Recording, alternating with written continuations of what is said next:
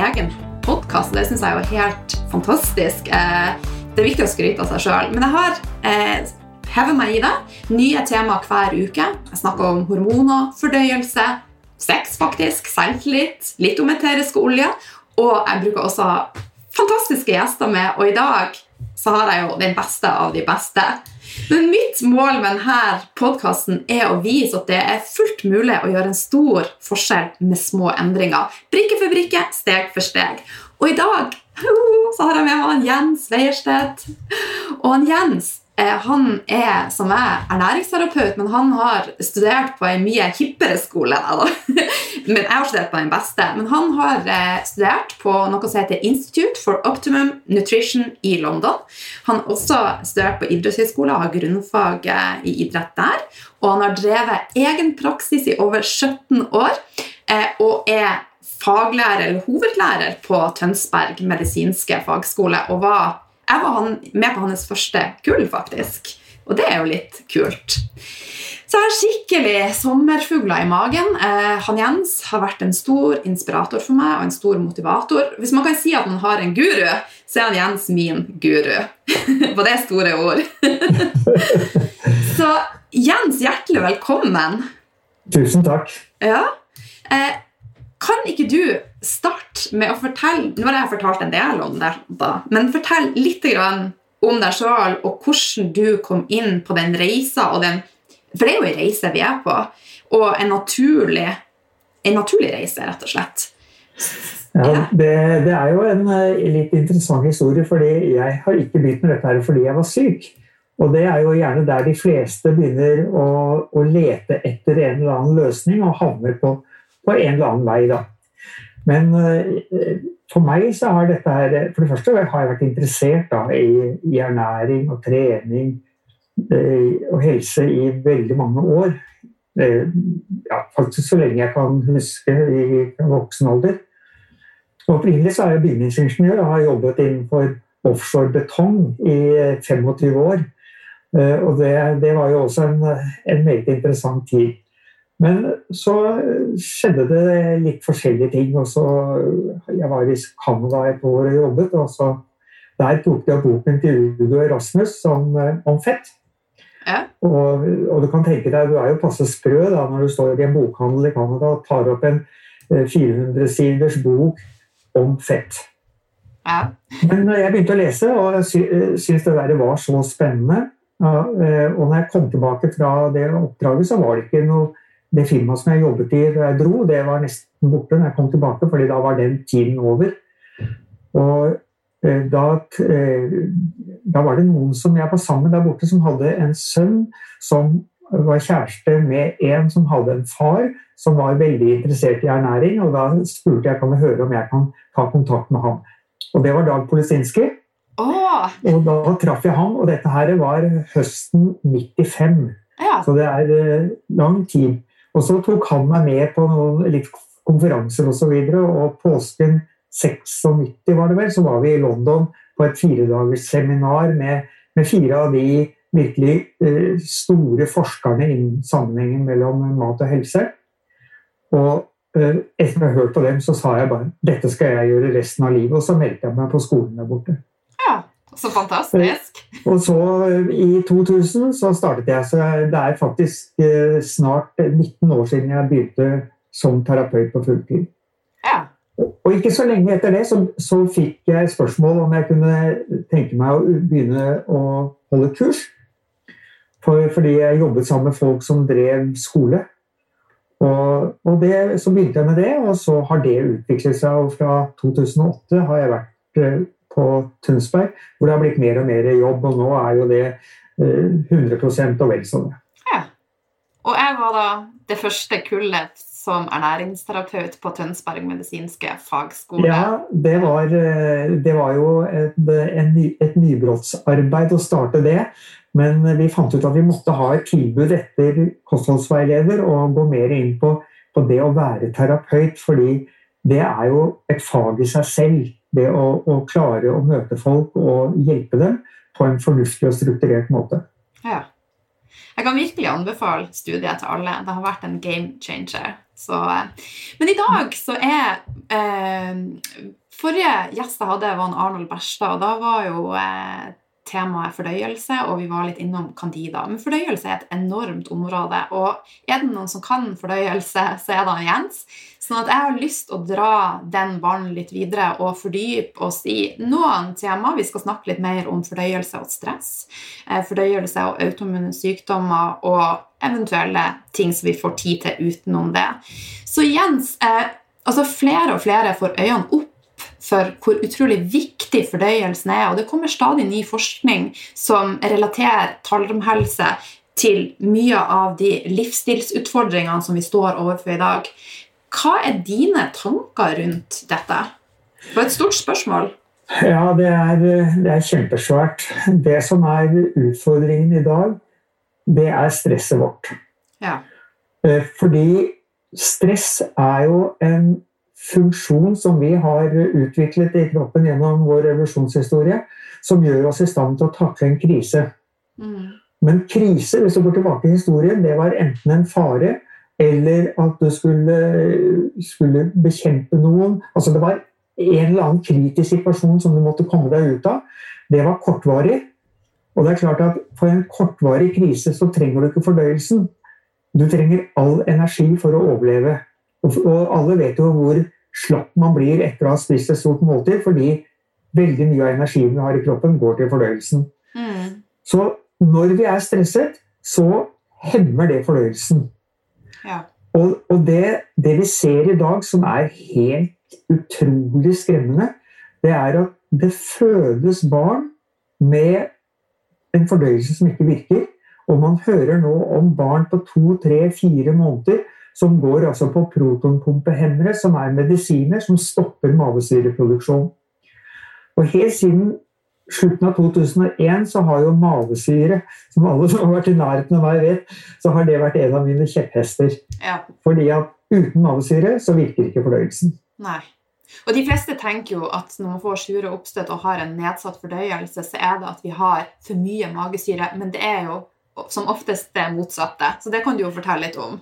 Ja, det er faktisk eh, Jeg kom over en artikkel i et blad som heter Townsend Letters for Doctors and Patients, som er en slags eh, populærvitenskapelig eh, tidsskrift med, hvor man går inn på forskjellige problemstillinger og, og på en forholdsvis vitenskapelig tilnærming. Men man er ganske åpen for, for, de områdene man tar opp, så det er jo ikke bare sånn ren mekanisk biologisk, men er også opptatt av, av den uh, mer emosjonelle, spirituelle dimensjonen hos folk. Men der var det en dame som skrev en lang artikkel over flere nummer om lite magesyre. Og dette hadde jeg aldri hørt om før. Og begynte å lese og bare satt med store øyne og lurte på i all verden, hva er dette her? Og hun fortalte altså en historie hvor hun hadde vært syk i årevis, hadde prøvd alt mulig rart, fikk ikke noe hjelp. Inntil hun kom over på et eller annet vis da, informasjon om å begynne å ta mavesyretabletter. Og begynte med det. Og i løpet av ett år så var hun frisk. Og hun hadde vært ganske alvorlig syk med masse problemer. Og dette her gjorde at, at jeg begynte å tenke kanskje en del av de pasientene som kommer til meg, som hadde da problemer med sure oppstøt, halsbrann osv. At det rett og slett var ikke for mye mavesyre som var problemet, men for lite. Ja. Og Så begynte jeg å anbefale eh, mavesyretabletter til folk. Da begynner selvfølgelig forsiktig med én tablett i hvert måltid, og så øker etter hvert som eh, man ser at det går bra. Og selv om ikke alle har glede av det, for det er jo det er, som jeg sier, det er aldri sånn at vi kan si alltid innen dette området her sånn. Nei. Fordi det er alltid noen som kommer og er annerledes i reaksjonene sine. Mm. Men for enkelte mennesker så har dette altså snudd livet opp ned, og løp, for noen i løpet av noen uker. Ja. Så, så, derfor så syns jeg det var, eh, har vært utrolig spennende. Ja. ja, det er jo veldig spennende. Så Sjøl har jeg òg brukt eh, tilskudd av magesyre en periode. Men nå har jeg fått opp min egen produksjon, så nå bruker jeg eplesidereddik som en support. Kan du noe om det? Ja, altså, du vet at i, i, de aller fleste tradisjoner så har man hatt noe som styrker fordøyelsen basert på bitre urter. Ja. Eh, jeg vet at også, også de syrnede tingene som eddik, kanskje også sånn som kombucha og, og, og denne her vannkefir, Ja. at det er med på å stimulere. Vi vet sitron gjør det. Ja. Så det er, det er mange ting. Men tradisjonen med en aperitiff før maten, gjerne laget på et uttrekk av bitre urter, det har jo vært vanlig overalt. Og mange, mange nordmenn kjenner jo både Jegermeister og gammel dansk og Odderberger og hva det måtte hete. Det er faktisk sånn at de aller fleste land har sin variant av dette. Ja, Så det er faktisk noe i å ta en sånn liten shot.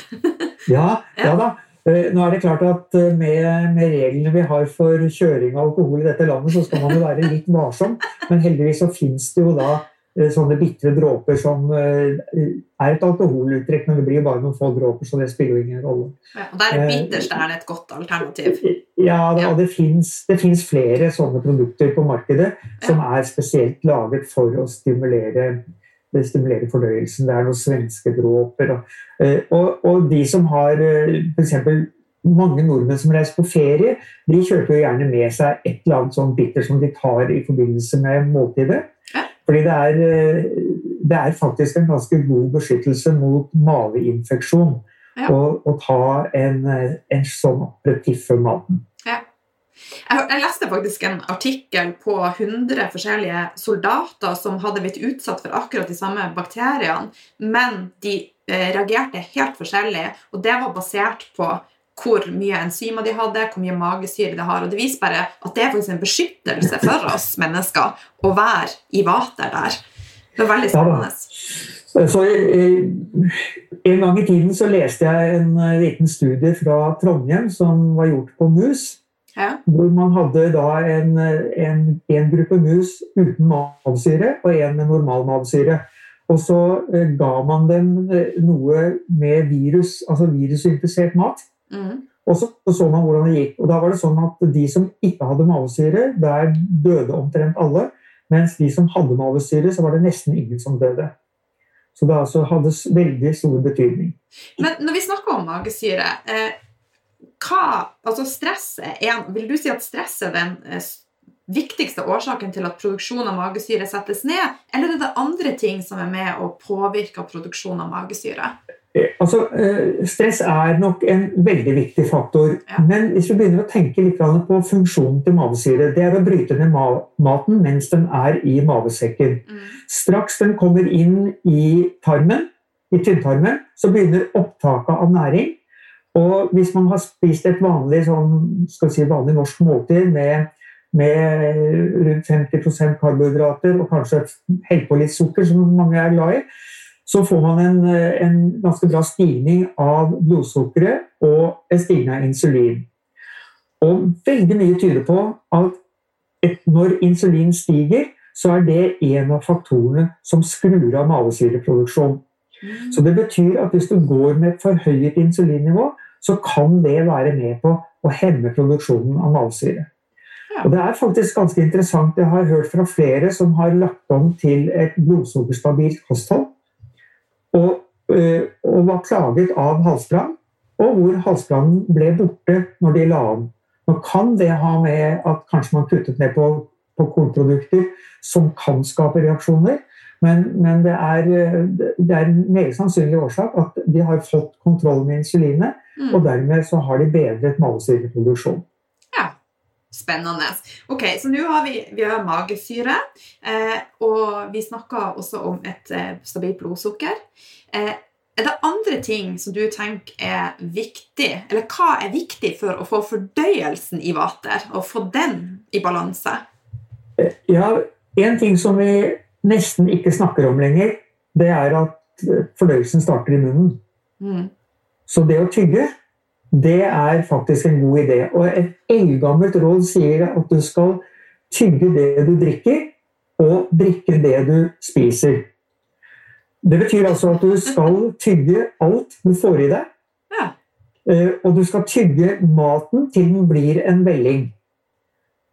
I, dagens eh, samfunn hvor vi aldri har tid til noen ting, så er det klart dette her er nesten umulig. Så, så, så eh, det, jeg har jo fundert mye på dette her at uh, hvorfor er pasta så innmari, innmari populært? Uh, og en av grunnene er at det kan du svelge uten å tygge. Så det går for fort. Så, så det, kan, det, kan, være en av årsakene til at uh, pasta er populært. Og så kan du selvfølgelig tilsette all mulig smak, men det smaker jo ikke så veldig mye. da. Nei. Så Der kommer vi jo tilbake til det med stress igjen. Så det å være til stede i det man gjør, og faktisk når man spiser, så spiser man. Ja, ja. det er Og det er faktisk det, kom en kar for noen år siden som hadde et sånt lite videoprogram som han kalte The Psychology of Eating. Altså hvor den mentale siden av måltidet er superviktig. Ja. Og for å bare ta opp én ting til, da. For at uh, i mange som begynner å bli opptatt av uh, at alt skal være så sunt, de kan bikke litt over, og så blir de helt hysteriske hvis de må spise noe som de ikke klassifiserer som sunt. Mm. Men verden er noe sånn at vi klarer ikke å gjøre det ideelle hele tiden. Vi må av og til gå litt på akkord med drømmen og spise det som er tilgjengelig. Ja. Og da er det ikke særlig gunstig å sette seg ned og si å fy da, nå må jeg spise denne maten. Det er helt forferdelig, og jeg kjenner hvordan kroppen lider. Isteden så skal du si at dette er det beste jeg kan få til nå, og dette kommer til å gjøre meg godt. Ja. Det er så bra, for det er så sant. Jeg har faktisk testa det sjøl, og det funka mye bedre å si de tingene. 'Dette går bra'. Det gjør det. Ja, men Vi har ikke 100% kontroll. Nei. Og, og, jeg har ikke tid til å løpe bygda og landet rundt for å finne akkurat den optimale matvaren. Jeg, av og til så må du spise det de har i en helt vanlig butikk, og det går helt utmerket. Og det er altså ikke så farlig om man får i seg noe som ikke er økologisk, og ikke ditt og ikke datt. Men du skal være fornøyd med det du får til. Det er det som er poenget. Ja. Og så velger man så godt man kan hver gang, selvfølgelig. Ja. Men det handler jo også om å skape seg gode rutiner. Eh, sånn som nå i morgen skal jeg på reise, skal jeg på reise en evighet. Og da jeg skiller litt på å være hjemme og å være på reise. For hjemme så har jeg muligheten til å faktisk legge opp hverdagen min til å bli optimal. Og det gjør meg sterkere, sånn at jeg tåler mer ting når jeg er på reise, er min erfaring. Ja, ja. ja det er helt riktig. Ja. Og det er, det er, viktig at man, man, gjør det man kan, og er fornøyd med det man får til. Ja. Bra. Enkelt og greit. Ja. Men det er én ting til som jeg gjerne vil ta og nevne litt om når det gjelder, gjelder fordøyelsen. Ja. Fordi det er en sak som eh, For nå har vi nevnt munnen, maven har vi snakket om. Ja. Eh, så kommer vi i tarmen. Men der har vi en faktor som det heller ikke snakkes veldig mye om, bortsett fra at det opereres vekk på samlebånd, og det er galleblære og galle. Uh, og dere, begge mange har sikkert hørt om SIBO, altså dette med bakterieovervekst i tynntarmen, som er et uh, problem man har blitt mer og mer klar over de siste fire-fem årene. Men jeg kan nevne at jeg holdt vel den første forelesningen om SIBO for en to-tre år siden. Så, så såpass nytt er det for meg å gå inn og titte ordentlig på. Ja. Jeg har jo for øvrig et eget spesialiseringskurs på skolen om SIBO. Det er et ganske problematisk område. Så hvorfor blir det det? Jo, en av årsakene det er lite mavesyre, som jeg snakket om. Mm. Fordi at når mageinnholdet kommer inn i tarmen, så er det veldig surt og er antiseptisk. Det dreper bakterier. Den andre funksjonen som hjelper til der, det er gallen. Gallen er også bakteriedrepende. Og hvis du skal få gallen til å fungere, så må du spise fett i hvert måltid. For det er det gallen er til. Den er der for å emulgere fett. Mm. Og hvis man blir fettfobisk og ikke spiser fett, så har man altså, i min verden, oppskriften på gallesten. Ja. Veldig, veldig fornuftig og ganske logisk. Ja, det, altså det jeg har funnet ut eh, Med min ingeniørbakgrunn så er jeg jo ganske opptatt av ting må være logisk. Da vi drev og bygde hus, så var ting som var ikke logisk, det datt sammen. Ja. sånn at eh, hvis, eh, hvis, det ikke er logikk med det man ser på, så sier jeg at her er det et eller annet. Mm. Og gallen har sine helt konkrete oppgaver som det ikke er veldig vanskelig å finne ut av. Det, er, det, skrives altså I alle bøker om fysiologi så står dette beskrevet i detalj. Gallen er nødvendig for opptak av de fettløse vitaminene. Det spalter fett, så du får opptaket, osv. osv. Ja. Så det er, det er ikke veldig vanskelig. Men når man da tar ut galleblæren, hva skjer da? Jo, det som skjer da, da renner gallen kontinuerlig, for leveren produserer galle kontinuerlig. Mm. Normalt så samles det opp i galleblæren og skilles ut når du har spist mat. Mens når du ikke har den galleblæren, så renner det bare inn. Det betyr at da begynner det å bli følsomt for fett i maten. Fordi du har ikke den her porsjonen med galle som kommer ut i, i tynntarmen. Det kommer inn i tolvfingertarmen sammen med bukspyttkjertelenzymene. Og, og starter da fordøyelsen i tynntarmen. Og da, da, har vi jo det rådet at det, det går an å bruke eh, ja, I utlandet så får du tak i enzymer. Eh, de bruker også eh, oxbile, altså oksegalle, som du får kjøpt i kapsler, som du kan bruke. Men eh, det høres jo litt, eh, litt røft ut. Så det som er et godt råd, er å bruke lesetin, ja. som er et granulat. Og nå får man også lesetin fra solsikke for de som ikke er så interessert i soya. Og kan ta en spiseskje av det til hvert måltid. Mm. Det gjør at man begynner å tåle fett igjen, mm. som jo vi er litt opptatt av at man skal få nok av, sånn at man holder seg mett og har stabilt blodsukker. Ja. Eh, jeg får daglig tilbakemeldinger fra folk som ikke tåler de gode fettsortene, MCT-olje, eh, smør og Da er det jo igjen tilbake til mangel på magesyre, mangel på enzymer. Eh, er du enig i det? Ja, og mangel på galle. galle, ja. Det kan være ja. galle. Og der er det jo veldig mange av de urtene som stimulerer leveren, stimulerer også gallen. Ja. Artisjokk, mariatistel osv. Det er typiske urter som det går an å bruke for å stimulere det. Og det er absolutt lurt altså, å, å, gjøre det av og til hvis man sliter litt med fettfordøyelsen. Og så kan man også da, teste ut en, litt med lesetin til hvert måltid. Og de her galleproblemene de kommer jo gjerne med høytider, for at man har vært da på diett eh, i mange måneder, og så skjer man ut i jul og påske og ferier med fett. Og så havner man på sykehuset med galleproblematikk ofte. Ja, jeg har jo diskutert eh, litt med, med noen leger teorien om at hvis man ikke spiser fett, så blir gallen liggende i galleblæren. Mm. Da dannes det stein. Og når du da får høytiden, som du sier, og kaster seg ned i fettfatet, mm. så stimuleres jo gallen, men da ligger en stein der, og så får man problemer. Ja.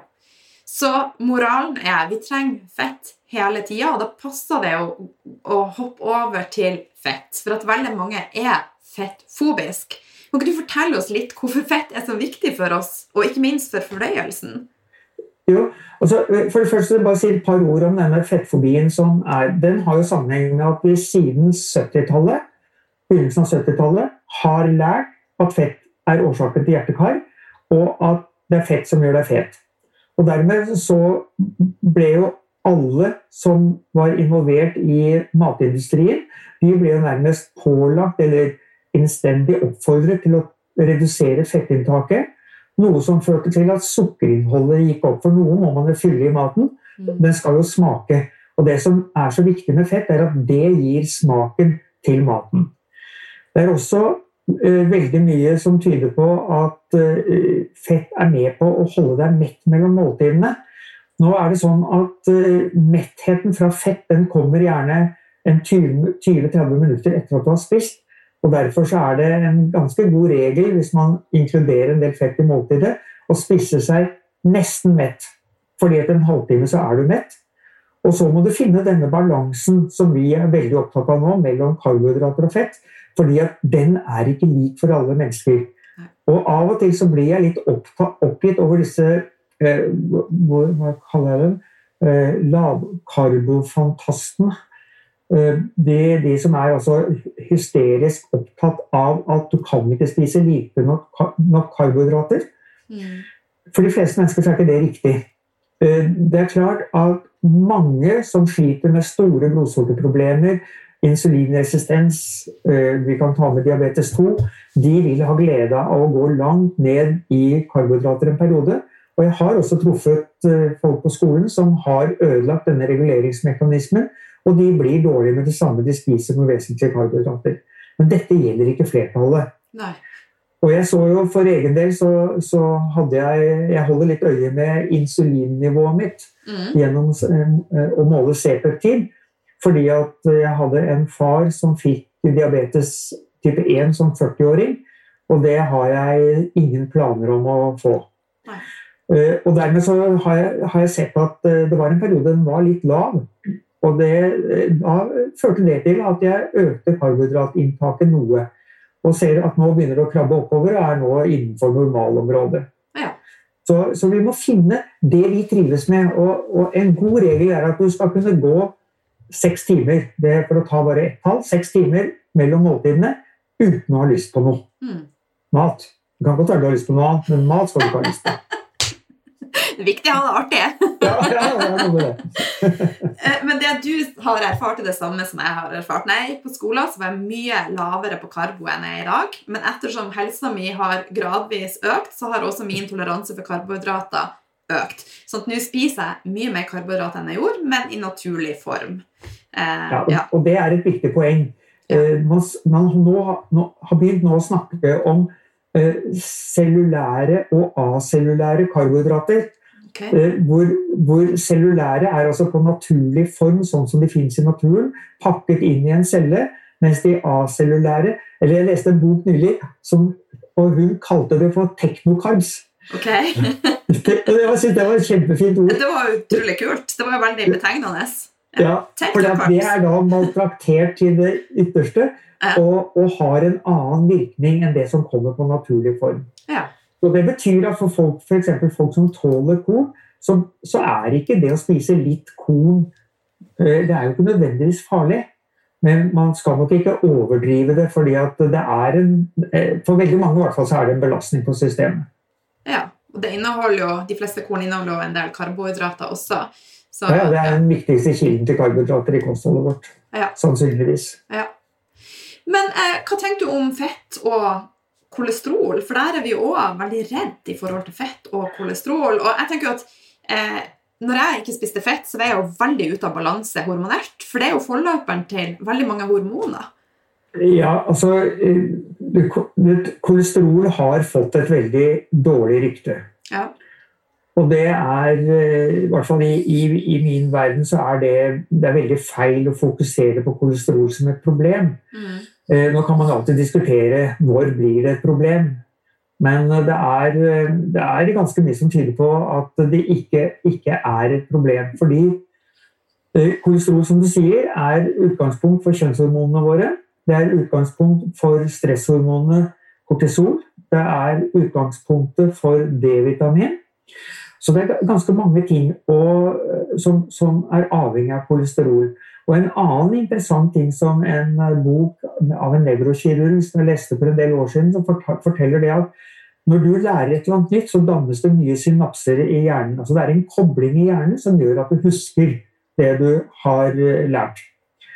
Den koblingen er avhengig av kolesterol for å dannes. Og faktisk så er hjernen kanskje det organet i kroppen som har mest kolesterol. Ja. Fordi det er nødvendig for funksjonen. Ja. Så, eh, og så er det denne forvirringen som går rundt, eh, rundt dette med godt og dårlig kolesterol.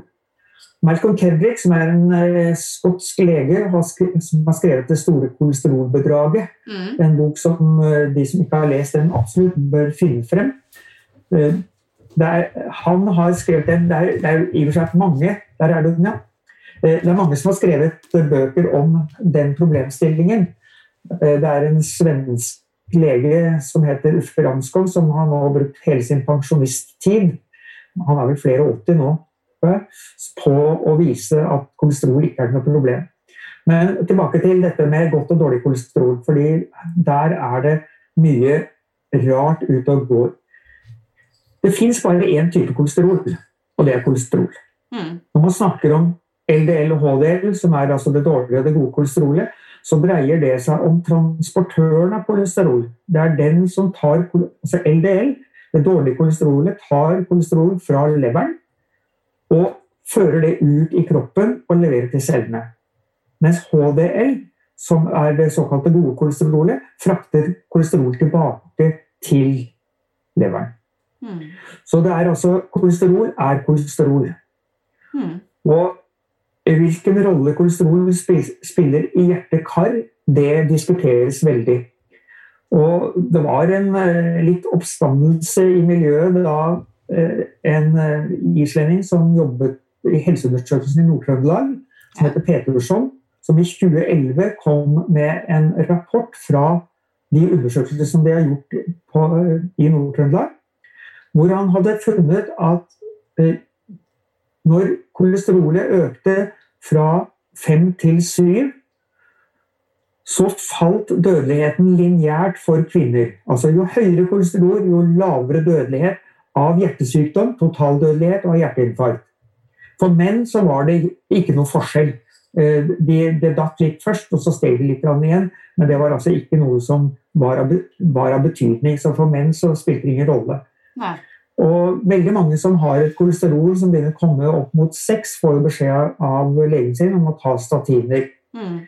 Som man sier at ja, det er ikke noe problem, men faktisk studier som har sett på hvordan folk reagerer på statiner, så er frafallet veldig stort. Mm. Og så kan man lure på ja, hvorfor er det ikke det i veldig mange av de studiene som det henvises til. Det er fordi at vi har hatt en innkjøringsperiode hvor de som reagerer på statinene, blir tatt ut av studien. Så det er bare de som ikke reagerer, som er med på studien i etterkant. Og er det klart, da blir det få med bivirkninger. Hmm.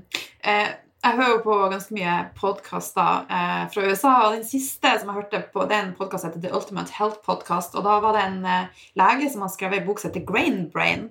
Og ja. han eh, refererte til forskning som har kommet på statiner og diabetes. Og at går du på statiner, så er du også mye mer utsatt for andre sykdommer, også Alzheimer. Og det var ikke måte på. Ja, det, det er jo noen som har spekulert i om det er en sammenheng med kreft også. Ja. Så, så det, er, det, dette her er, men det, det, som er trøbbelet med det, det er at det er veldig vanskelig å dokumentere. Fordi at dette er ikke de tingene de ser etter i de studiene hvor de gir folk statiner. Da fokuserer man jo på hjerte-kar, selvfølgelig, fordi det er jo det som skal være årsaken. Ja. Når, når, vi si, når man er litt kritiske til statiner, så må vi si en ting, og det er at eh, det er noe bedring av resultatene for de som har hatt et hjerteinfarkt. Ja. Okay. Sånn at, eh, og, og, vi er jo veldig klare på at eh, på alt vi underviser på skolen, det er at vi har ingen mening om medisiner overfor pasienten. Det er kjempeviktig, fordi at vi har ingen peiling på hvorfor en pasient har fått en, en medisin av legen. For, for medisiner brukes av og til annerledes enn det vi vet om. Og dermed så skal vi ikke gjøre annet enn å si til pasienten at kanskje behovet for medisiner kan reduseres etter hvert som du legger om. Ja. Men det må du snakke med legen om. Ja. Det er, det er superviktig, altså, og det nevner vi gang etter gang etter gang. Fordi at her kan, man, her kan man rett og slett gjøre ting som er farlige for pasienten. Ja. Ok. En ting som øker veldig i dagens samfunn, er autoimmune sykdommer. Og sjøl så har jeg jo en del av de. Men hva tenker du om fordøyelsen? Der, det kom det inn spørsmål i forkant fra følgere. og eh, Der var det et spesifikt spørsmål. Hva tenker du om fordøyelsen og autoimmune sykdommer? Er det en sammenheng? Ja, det er, eh, det er selvfølgelig vanskelig å si noe. Men eh, en som har forsket en, en, del på dette her, det er Alessio Fasano. Som er en, eh, en italiener. Han er lege og jobber nå på et barnesykehus i Massachusetts. Mm og er vel gjesteprofessor på Harvard, tror jeg. Eh, han kom for en del år siden med en, en, en artikkel som forklarte hva de hadde funnet ut på laben, nemlig at hvete, eller gluten, inneholder altså En av fraksjonene i gluten, gliadin, den stimulerer et stoff som heter sonulin. Og dette sonulinstoffet det påvirker spaltene mellom tarmcellene, som gjør at ufordøyet mat slipper inn i blodet. Ufordøyet mat er et fremmedstoff. Mm. Fordi at eh, kroppen kjenner bare igjen maten når den er brutt ned ordentlig. Og da kan du risikere at du starter en immunreaksjon mot noe som ikke egentlig er en trussel. Og Det de spekulerer litt på da, det er at immunforsvaret kan finne vev i kroppen som har noe av den samme aminosyresammensetningen som de stoffene som slipper igjennom, og begynne å angripe vevet. Ja. Så, så, det er én teori. En annen som har kommet opp nå i kjølvannet av det som eh, med et litt feilaktig navn kalles magnesiumprotokollen, som veldig mange har sett og vært borti og prøvd å lese, og kanskje noen har prøvd å følge, det er at eh, jern på feil plass er involvert i feilfunksjon på immunforsvaret. Og dette her er noe som Jeg har studert denne, disse sammenhengene her nå i cirka, snart to år. Eh, og begynner å få en anelse om mulige sammenhenger. Mm. Men det er så komplisert at jeg skal ikke si at jeg skjønner det. Nei. Men, eh, men jern, eh, det med jern er noe som kommer til å komme opp. Og for de som er interessert i å lese litt om jern Det er ikke sikkert man skjønner alt, fordi det er ikke så enkelt. Det bruker man lang tid på. Men det er en professor borte i Manchester som, som heter Douglas B. Kell, K-E-L-L, som i, for et år siden kom ut med en artikkel som het eh, 'If there's an effect, there must be a cause'. Og det er jo ganske logisk. Altså Har du en eller annen reaksjon i kroppen, så må det være noe som gir forårsaker den, den reaksjonen. Og han, sammen med en professor ned fra Sør-Afrika som har skrevet den artikkelen sammen, eh, de, de, er inne på at uh, veldig mye tyder på at uregulert jern, som de kaller det, jern på feil sted, ute av kontroll, er den viktigste årsaken til utviklingen av kroniske sykdommer. Det er en ganske tøff påstand, men eh, de har gjort han, Douglas B. Har skrevet om dette her i syv-åtte år, i hvert fall. Ja. Og har, det de sier, det er at dette resirkuleringssystemet for jern, som heter retikuloendoteliesystemet, som består av immunceller som heter makrofager, som betyr storetere, som spiser opp blodceller som er ødelagt, for å resirkulere jernet for nye blodceller. Når du mangler biotilgjengelig kobber det er kobber bundet til et spesielt enzym, så får ikke de gitt fra seg jernet. Og så blir de overfylt av jern, og så begynner de å reagere unormalt. Ja. Og, og dette er da dette er dette som er kjernen i den, den magne, såkalte magnesiumprotokollen. Den heter jo egentlig root cause protocol.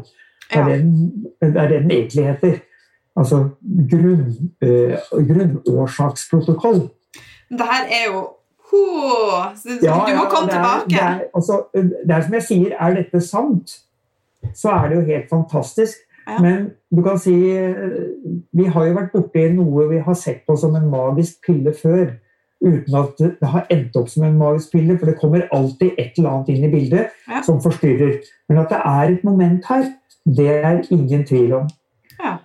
Og I sommer så kom det en egen artikkel som enten het 'Cancer and Iron' eller 'Iron and Cancer', som så at jern og kreft ser ut til å følge hverandre.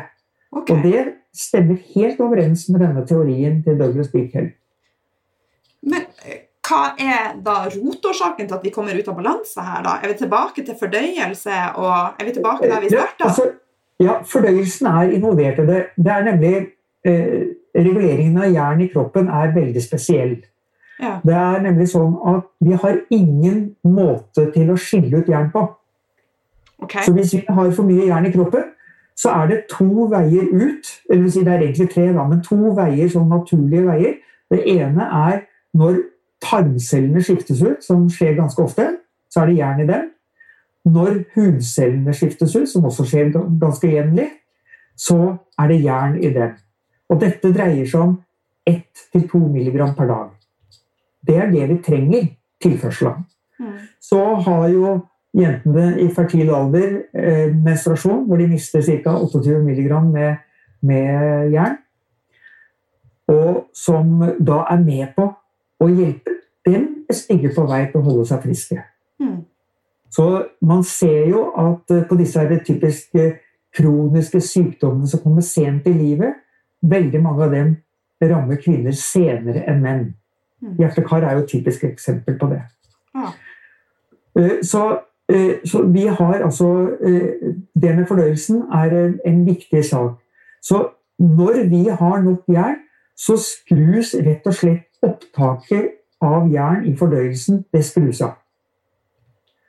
Og da kan vi lure på hvor mye fornuft er det å bruke f.eks. jerntilskudd? Hvor mye fornuft er det å bruke eh, spesielle tilskudd som skal bedre opptaket av jern, hvis, når vi ikke kan si et ord om om du har jernmangel eller ikke? Fordi hvis jernet er gjemt bort i vevet, så syns det ikke i blodet. Og vi måler jo eh, hemoglobin og ferritin. Og Douglas B. Kell sier at ferritin i serum er patologi. Det betyr da er det nedbrytning av vev et eller annet sted i kroppen. Det er altså et tegn på sykdom. Og interessant nok så kaller man i skolemedisinen ferritin for et akuttprotein. Det er noe som stiger ved akutt sykdom. Ja. Hm. Jeg tror vi må ta magnesiumprotokollen som et eget tema. Eh, ja, det er, det er definitivt et, et ja. tema som veldig mange er interessert i. Ja. De færreste har ork til å sette seg inn i hva det går ut på.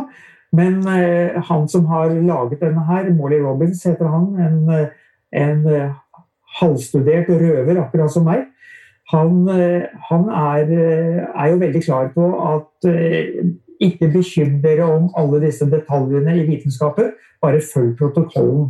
Ja. Og mye av det han sier, er, har jeg funnet mye fornuftig, og dokumentasjonen som han har funnet frem, er veldig spennende. Men eh, det er altså et, eh, et, eh, et ganske stort lerret å bleke å skjønne alt sammen. Ja. Men for å komme tilbake til det vi startet med i dag, så er altså årsaken til at jern kommer ut av kontroll, er stress. Ja. Stress tapper oss for magnesium, som er nødvendig for å lage det, det proteinet som skal ta vare på kobber som trengs for å få kontroll med jern. Ja. Så vi kan faktisk gjøre det enkelt stress ned. Ikke sant? Og da vil du jobbe med fordøyelsen, du vil jobbe med balansen i mineraler og vitaminer, sånn at det er liksom en enkel ende å starte i. Ja, og, det, og han, Molly Robbins er jo helt klar på det. Hvis ikke du tar tak i stresset, så kommer du ingen vei. Nei.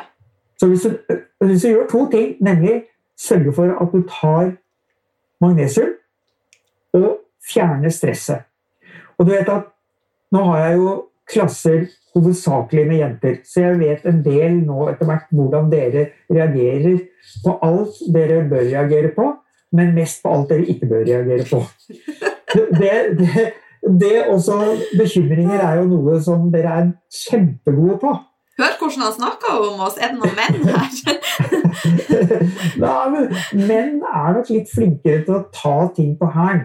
Ja. Men uh, å si at godt nok vet at En jente får, får, seg jo ikke tid til å si 'godt nok'. Nei. Det er bare det perfekte som er bra nok.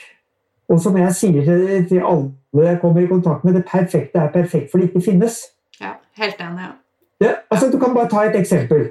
Du kan tenke deg en perfekt sirkel. Tegn den på frihånd. Ja. det perfekte finnes ikke, og det er en av mine fanesaker at det perfekte finnes ikke. Så det er Nei, rett og slett. Så det er veldig bra at du faktisk eh, eh, belyser, da. Men de, tilbake til stress. Eh, for de fleste tenker jo på stress eh, da er det at vi springer fra A til Å. Men det er jo mange andre ting som er stress for systemet vårt. Kan ikke du si noe om det? Jo, altså, og det er så svært at eh, vi, vi har jo faktisk ikke sjanse til å ha oversikt over det som stresser oss. Eh, for å, for å bare ta Eh, et eksempel som, eh, som, kom opp i forbindelse med utviklingen av det som heter epigenetikk.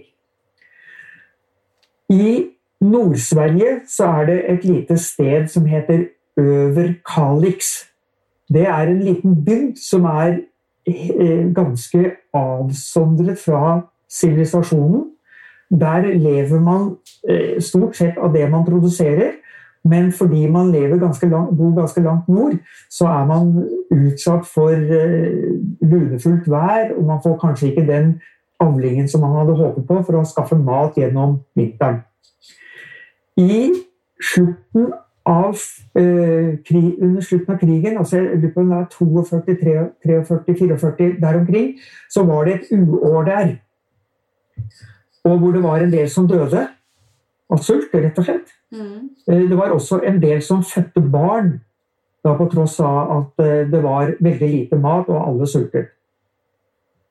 Når man følger de slektene, så ser man at barnebarna til de som ble født av mødre som sultet, de hadde, har en unormal tendens til å bli overvektig. Så her har vi altså markering som har gått gjennom generasjoner, som plutselig påvirker mm. et menneske. Ja. Og eh, dette her er altså eh, påvirkningen på genuttrykket, ikke påvirkningen på genene, men genuttrykket. Ja. Så genuttrykket eh, eh, det påvirkes av miljøet vårt. Og hvis f.eks. en mor er stresset under svangerskapet, så vil det føre til at du får et barn som er født med stress. Og dette kan være hendelser som barnet selvfølgelig aldri har en peiling på. Mm. Ingen anelse at dette er det, men de har et stress i kroppen. Og jeg tror f.eks. en del av disse barna som ikke får i gang fordøyelsen sin, at dette her er én mulig årsak. Mm. Det kan være masse annet, og det er aldri én årsak, men det sier det kan være en mulig årsak. Ja. Sånn at når vi kommer inn på emosjonelt stress, og kanskje for de som er interessert i det, så kan man dra det videre til, til eh, en form for spirituelt stress. Mm. Så begynner det å bli helt utenfor vår bevissthet. Mm. Og jeg anbefaler ofte folk å søke til de som kan dette med balansering av energier osv. For en, en, del får kjempehjelp av det. Mm. Ja. Men et par av spørsmålene som er kommet inn, er jo da traumer, angst, langvarig stress, hvordan det påvirker fordøyelsen. Og det er jo litt det samme. altså det påvirker fordøyelsen vår. ikke ja, sant? Ja. Eh, jeg, jeg holdt et foredrag for mange mange, mange år siden hvor, en, eh, hvor, jeg snakket om dette med fordøyelse, og hvordan stress påvirker fordøyelsen, og hvordan det kan ha en sammenheng med matvareintoleranse. Ja. Eh, og hun kom opp og fortalte at hun hadde vært i en, en traumatisk ulykke. Hva det var, vet jeg ikke, men jeg, det, man kan gjette at kanskje det var noen nære som omkom, eller et eller annet sånt noe. Hun var da i midten av 40-årene da denne ulykken skjedde. Var helt frisk, tålte all mat. Dagen etter tålte hun ingen mat og hadde et par autoimmune sykdommer. Mm. Altså I løpet av sekunder så skjedde dette. Mm. Og så alvorlig er stress mm. når det går til det ekstreme. Så traumer, det sitter i. Og der finnes det teknikker. Jeg vet at en del kinesologer har har, eh, har, spesialisert seg på det. Man har EFT, TFT, som kan løse opp sånne ting.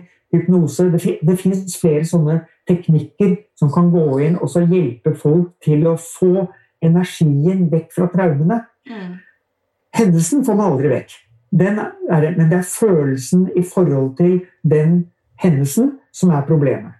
Det er noe med, altså Vi mennesker vi lagrer jo ting. Vi bearbeider ikke. Så det er så viktig å få det bearbeidet. Og som jeg har eh, forstått, så lagres dette i den limbiske delen av hjernen. Og der kan faktisk eteriske oljer være med å frigi ting som vi har lagra. Så det er også ja, Jeg altså, merker at det skjer mye. Det, det, det fins mange veier mm. til å gjøre noe med disse tingene. Mm. Men, men, eh, man må søke til folk som har den kunnskapen.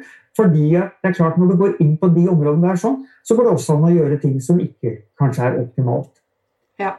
Så, så det, det, er jeg, jeg, har jobbet med folk som har, har hatt, altså, hatt, energiarbeid som en del av sine terapier. Og da, det jeg alltid gjør da, det er å be pasienten snakke med dem før de bestemmer seg for en time. Ja. For du må kjenne den der forbindelsen, at den er i orden. At du har en følelse at dette er ålreit for meg. Ja. Igjen Eh, det, den tiltroen du har til vedkommende, eh, vi kan godt kalle placeboeffekten, er jo så viktig for oss å rydde opp i sånne ting. Ja.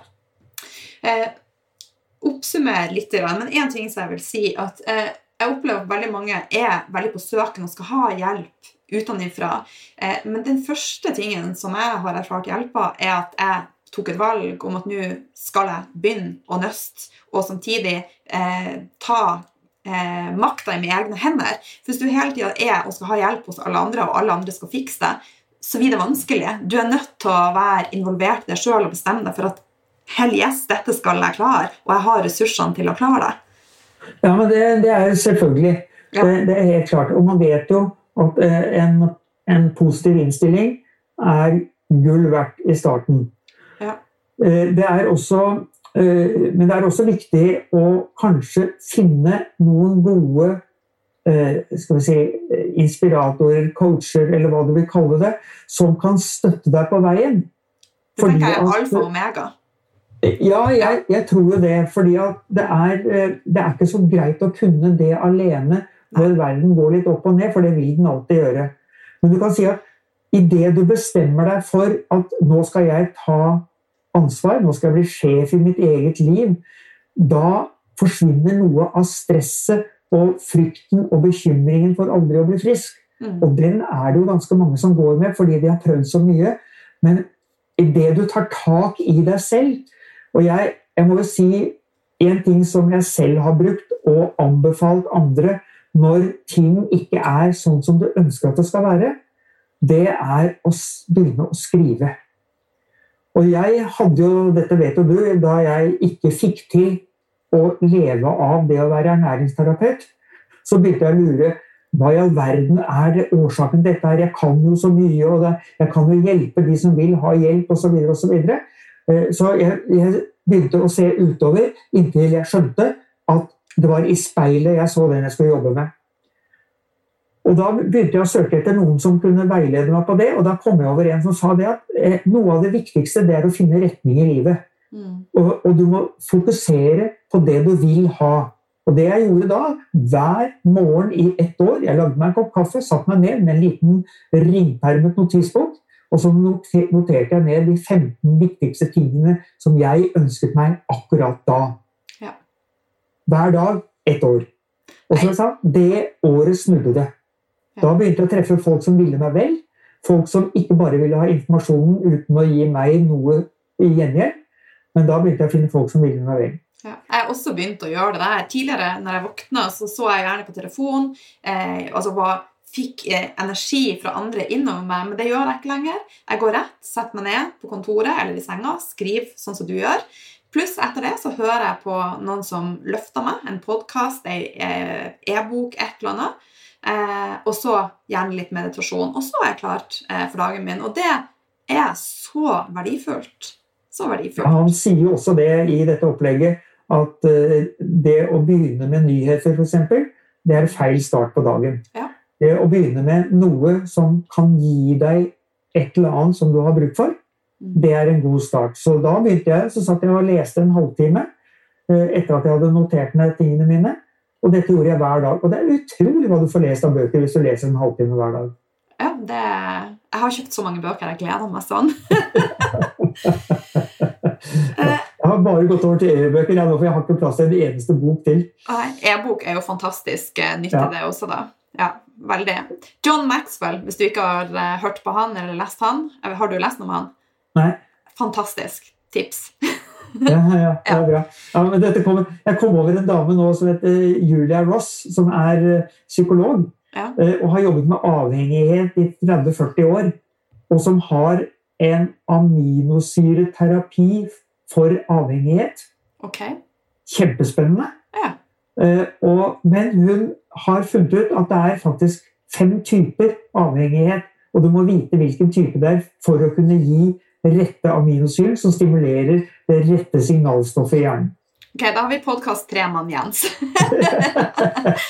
ja. Men du, nå ser jeg tida renner ifra oss. Eh, vi har snakka om hvor viktig det er å faktisk ha magesyre som er At du har magesyre, at du har enzymer, at du har galle. Eh, har du operert bort eh, galleblæra, så kan du prøve dem med lesitin, men du prater også om noe fra ei ku. Ku Ja, oksbile. Altså det er eh, oksegalle. Oksegalle det er også et alternativ. Vi har snakka om viktigheten av fett, men vi har ikke prata så mye om de forskjellige fettypene. Eh, for jeg tenker Vi har tid til ett spørsmål til, og det er fordøyelse og betennelse. Henger det sammen? Og Da er det jo så viktig eh, å tenke på hvilke fettsyrer vi velger. Hva tenker du der? Ja, det, eh, Vi har jo havnet på For det første, det er ingen tvil om at riktig balanse mellom omega-3 og omega-6 er superviktig. Mm. Hvordan man tar dem, det får nå være opp til hver enkelt. Mm. Det enkleste er nok eh, å bruke en eller annen form for fiskeolje som gir de ferdig forlengede fettsyrene. Eh, men vi er mer og mer opptatt av at mengden med flerumettet fett i kroppen bør ikke være så høy. Så vi tror at når du har fått balanse, som du gjør ved å kutte vekk omega-6-olje og øke omega-3-inntaket, så skal du parallelt redusere begge to. Eh, vi trenger noe, selvfølgelig. Det er jo grunn til at de kalles essensielle. Men vi trenger ikke veldig mye. Og så er det greit å vite at mettet fett, som alle er livredd for, det er ganske så nøytralt i kroppen. Og det, dette har med harskning å gjøre. Disse flerumettede som har dobbeltbinding, som lett kan angripes og, og føre til harskning altså Det er jo bare å helle litt tran på, på, kjøkkenbenken og se hvor lenge den lukter godt. Så vil du se at uh, det skjer ting der. Mm. Så, uh, og så må jeg si to ord om MCT-olje, for det er jo i vinden som bare det. Det er en, et, uh, et, utvalg av oljer fra, normalt fra kokos som har forholdsvis korte Eh, karbonkjeder, altså forholdsvis korte fettsyrer. Og de har den eh, egenskapen at de krever ikke noe spesielt av fordøyelsen for å bli tatt opp, ja. og kan gå rett på energi. Ja. Jeg skulle se på Instagram, Nå forsvinner vi snart fra Instagram, så jeg skulle se om det var noen spørsmål. Og det ene spørsmålet fra Instagram var eh, hva gjør jeg hvis jeg har operert bort galleblære? Og det har vi svart på. Det var lesetin, Og så ja. var det eh, galle fra okse. Eh, men eh, det er kanskje ikke alle som vet hva de typiske omega-6-kildene er for noe. Ja, det er altså nesten alle frø, ja. bortsett fra linfrø, ja. er fulle av omega-6. Eh, de fleste nøtter har ganske mye enemettet, men det er også noe omega-6 i en del av dem. Så, eh, og så har du Eh, nei, det, er de, altså det er det, viktigste kildene til, eh, til omega-6. Men frøoljer, altså som solsikke, sesam, druekjerne, maisolje, so, soyaolje osv., alle disse er hovedsakelig omega-6-oljer. Ja. Og et stort problem i dagens samfunn er jo at eh, vi spiser mye ferdigmat som inneholder mye av bl.a. maisolje og soyaolje. Ja, så, og, og, Derfor så er jo vi ganske opptatt av at eh, vi bør spise ferske råvarer mm. som det, det, viktigste innslaget i kosten vår. Mm. Og, og, ikke bruke mer ferdigmat enn det vi er helt nødt til. Ja. Eh, Instagram, hvis dere har lyst til å være med videre, vi holder på et par minutter til igjen, så kan dere hoppe inn via Facebook. Eh, takk for følget via Instagram. Jens, hvis du har tid eh, når vi avslutter, så er det garantert kommet mange spørsmål på Facebook at vi kanskje tar et par av eh, de, hvis ikke du har det veldig bråttom. Nei, det går bra. Ja. Eh, men hvis vi skal oppsummere, eh, hva vil du si nå er det aller viktigste for å støtte en god fordøyelse og få en balansert fordøyelse som gir deg en bedre helse? Det er som jeg sa, tygge maten ordentlig. Eh, det er å sørge for at eh, du har alle næringsstoffene som er nødvendige for å produsere matsyre. Eh, det, det, har jo med at fordøyelsen fungerer å gjøre, selvfølgelig. Så det kan være fornuftig å støtte produksjonen med bitterstoffer eller eventuelt malsyretabletter hvis man har store problemer. Og så er det et poeng som jeg glemte i sted, som er ganske viktig. Det er ikke drikk mye vann til maten. Fordi vann er helt nøytralt. Det er altså ikke surt. Og hvis du heller det i en mage som ikke kanskje produserer nok mavesyre, i utgangspunktet, så tynner du ut mavesyren, og så stopper du fordøyelsen. Ja. Så mye vann det er ikke fornuftig. Et lite glass er ikke noe problem. Det, det går helt greit. Så er det alltid noen som spør eh, forsiktig da, hva med et glass rødvin? Er det Nei, nå er, eh, Selv om noen det var min første tanke. Ja, selv om noen lagde vin av vann, så er det altså ikke sånn at, eh, at eh, vin eh, er veldig negativt for fordøyelsen, fordi at det inneholder en del bitterstoffer og det inneholder litt syre. Så, så, stort sett så går det bra. Det er andre grunner til at man ikke skal overdreve vin. Ja. ok, så det er dine beste tips i forhold til en god fordøyelse. Ja, ja altså, Og så er det det til å stimulere eh, gallen hvis man sliter litt med fettfordøyelsen. At man bruker noen urter der. Og så eh, er det jo de som mener at det å ta f.eks. mariatistel et par uker noen ganger i året for å eh, styrke leveren litt, kan være fornuftig. Det er jo for øvrig også en diskusjon som går hvorvidt leveren trenger noe hjelp. Men eh, no, mange har opplevd at de får glede av det. Ja. Hva tenker du om detox? Eh litt sånn jevnlig for å gi kroppen bedre arbeidsforhold? Eh, jeg tror at detox kan overdrives. Eh, at det er ikke noe man skal holde på med hele tiden. Eh, du kan si Tradisjonelt i sånn som indisk og kinesisk medisin, som har jo holdt på noen tusen år, mm. så har jo de gjerne hatt en renselsesperiode på våren i forbindelse med at du skal skape nytt liv.